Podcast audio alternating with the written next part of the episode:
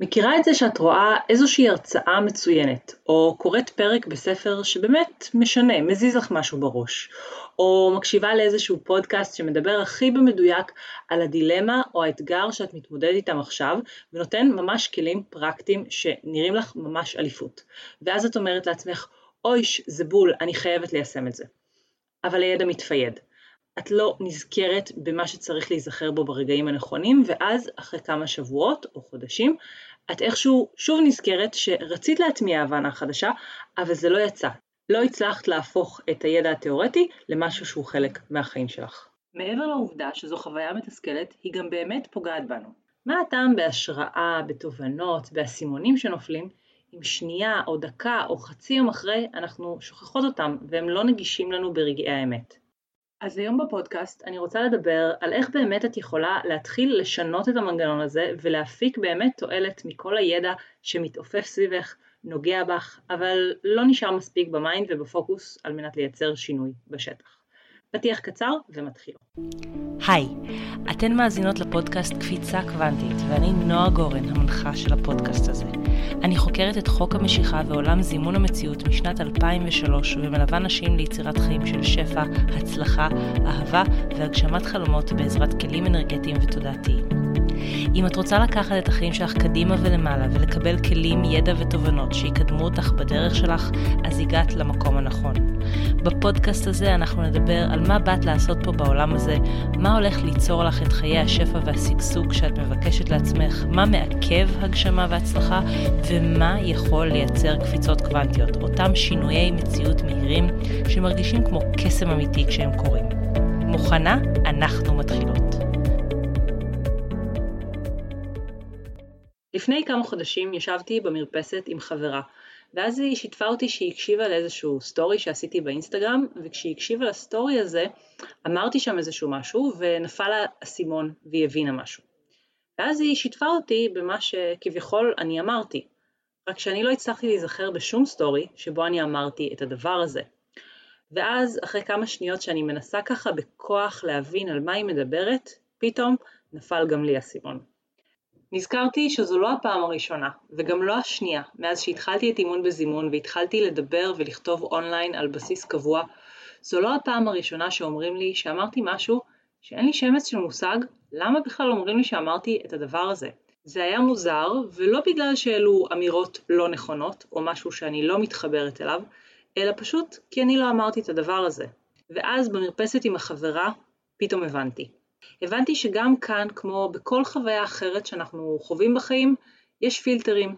פילטרים שמגיעים מהזיכרונות שלנו, מהאמונות שלנו, פילטרים שמפגישים בעצם את האדם שמקשיב לי עם ידע שכבר יש לו, עם מחשבות שכבר יש לו, עם אמונות שמבקשות להשתחרר או להתחזק, ואז קורה שם משהו שכביכול הוא לא ממש קשור אליי. כלומר, הוא כן, אני ככה שליח, אבל אני מעוררת משהו שקיים אצל האדם השני מבפנים.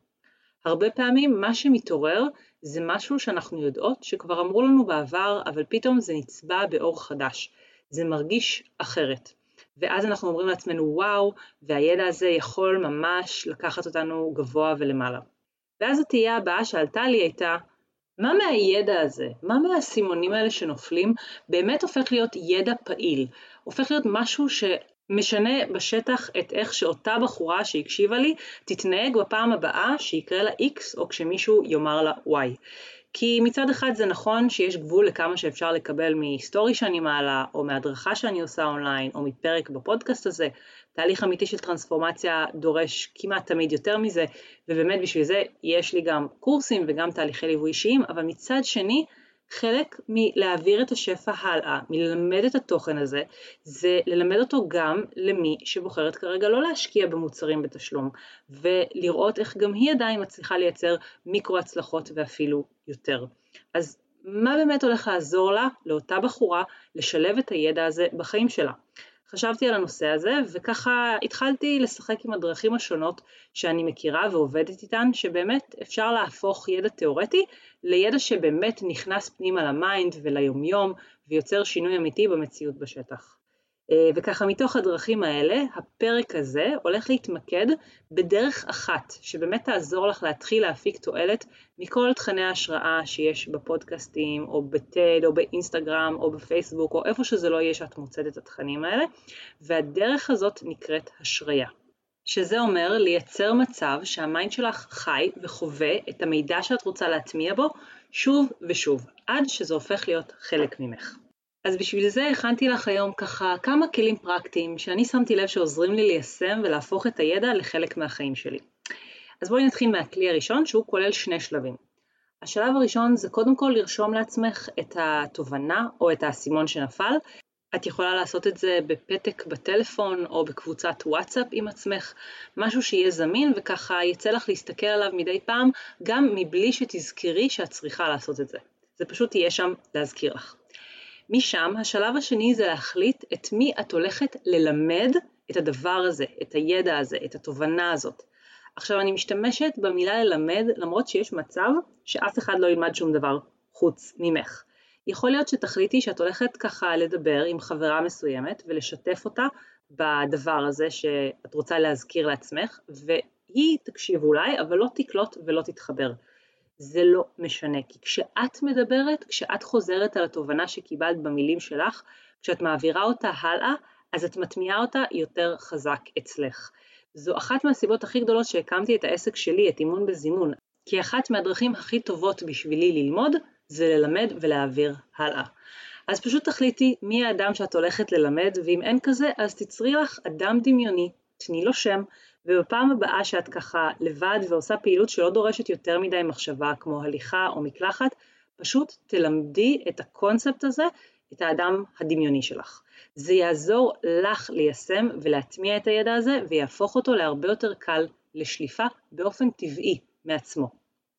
וזה מביא אותי לכלי השני שהוא סוג של הרחבה של הכלי הראשון ובכלי הזה את רוצה ליצור לך נקודות עוגן לאורך היום שבהן את מזכירה לעצמך ומתזכרת את עצמך בתובנה או באסימון או בידע שאת ככה רוצה לחזק ולהטמיע אותו.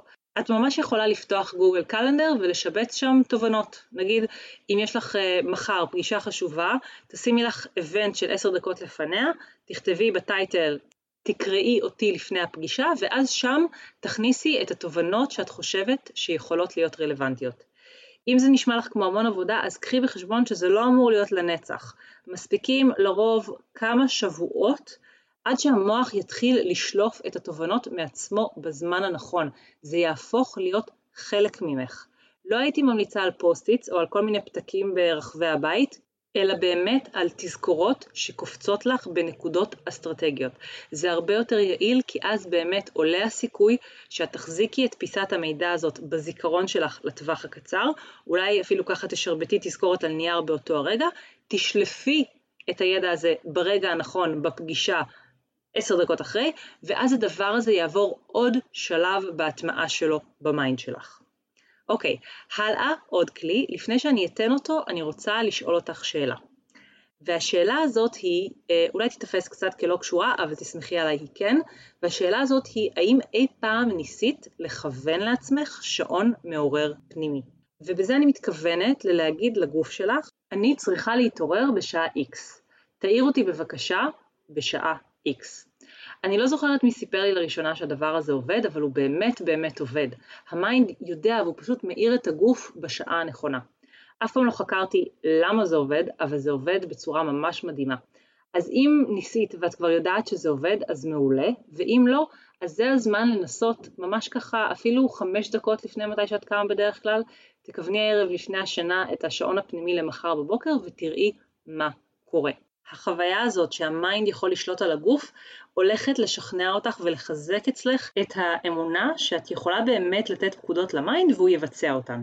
וספציפית כשאנחנו מדברים על הטכניקה של השריה, אז את יכולה לתת פקודה ל mind שלך שמחר הוא יציף ויעלה שוב את התוכן מלא ההשראה שקיבלת היום. רק שימי לב שיש פה תנאי כדי שזה באמת יעבוד, התנאי הזה הוא שאת צריכה להיות מאוד ברורה עם ה mind לגבי איך הצפת המידע הזאת נראית. הרי כשאת מדמיינת שהגוף יתעורר בבוקר, היקיצה הזאת זה דבר מאוד מאוד ברור, ה mind שלך יודע איך זה נראה, המציאות שבה את מתעוררת ליום חדש. אבל כשזה מגיע להצפה של תוכן השראה מסוים, אז אולי זה אומר מבחינתך שאת תיזכרי ברגע האמת באיזשהו משפט מפתח, או שזה אומר שככה את תפעלי בביטחון או תקבלי החלטה שלוקחת בחשבון את הידע הזה, החדש, שבדיוק צף לך ל mind רגע לפני שקיבלת את ההחלטה. מה שזה לא יהיה, חשוב שתהיי ספציפית לגבי איך זה נראה שם בחוץ, בעולם האמיתי, כשאת עושה אינטגרציה לידע החדש הזה. ממש ככה תני ל mind כמה שיותר מידע לעבוד איתו. תבדקי איך את נראית, או איך את מרגישה, או איך העולם מסביב מגיב כשאת פועלת מתוך האסימון שנפל או התובנה החדשה. תדמייני את זה ממש כמו שספורטאי מדמיין איך הוא הולך להצליח באיזושהי סיטואציה, כמו נגיד לקלוע לסל או לעשות תרגיל אקרובטיקה מורכב על החמור. וזה מביא אותי לכלי האחרון להיום, והוא מדבר על להיות סלחנית לעצמך. יש דברים שאת תצטרכי לפגוש שוב לפני שתצליחי להטמיע אותם. אולי אפילו יותר מפעם אחת. היי, hey, אולי אפילו תצטרכי לעשות תהליך ליווי עם מישהי כמוני שתזכיר לך דברים מסוימים שוב ושוב ושוב, ורק אחרי שתחווי אותם בשטח ותתרגלי אותם כמה פעמים ותפגשי את השיעורים בכל מיני כובעים שונים, רק אז זה יהפוך להיות חלק ממך וזה בסדר. את לא אמורה לקחת הכל, את לא אמורה ליישם הכל, את לא אמורה להיות איזשהו beautiful mind כזה, כמו בסרט עם ראסל קרו, את יכולה, מותר לך, את אמורה להיות אנושית. וזה לגמרי בסדר שדברים ייקחו זמן, ושטעויות יקרו גם אחרי שאת יודעת יותר טוב, ותבואי עם הבנה שזה יכול לקחת זמן, וזה מה שיעזור בעצם לקצר את משך הזמן שזה ייקח, את תקופת הלמידה הזאת עד להטמעה, ויכול להיות שתצטרכי לעבור איזשהו תהליך של ניקוי פילטרים, כמו שדיברתי בהתחלת הפרק. ולפגוש את הידע הזה שוב אחרי שמשהו השתנה מבפנים, באמונות שלך, במחשבות שלך על המציאות. הכל טוב, הכל מדויק. תזכרי שכל עוד את פה על הכדור הזה, את תלמדי, ויהיו דברים שייקח יותר זמן ללמוד, והכל הכל בסדר, באמת. אז זהו להפעם, ואם התחברת לפרק הזה, אני הכי אשמח בעולם אם תשתפי ותעבירי אותו הלאה, כדי שעוד אנשים יקבלו את הידע הזה ויתרמו ממנו. אז תודה רבה שהאזנת לפרק הזה. אם אהבת את מה ששמעת, אני הכי אשמח בעולם אם תשתפי ותדרגי ותעבירי הלאה למי שהתוכן הזה יכול לעזור לה. ואם את עדיין לא עוקבת אחריי באינסטגרם, אני מחכה לך שם. חפשי אימון בזימון כדי לקבל ממני ים של תוכן, הדרכות וטיפים על איך לעשות קפיצות קוונטיות וליצור את החיים שאת רוצה בקלילות ובהנאה. זה הכל לבינתיים, ואנחנו נשתמע בפרק הבא.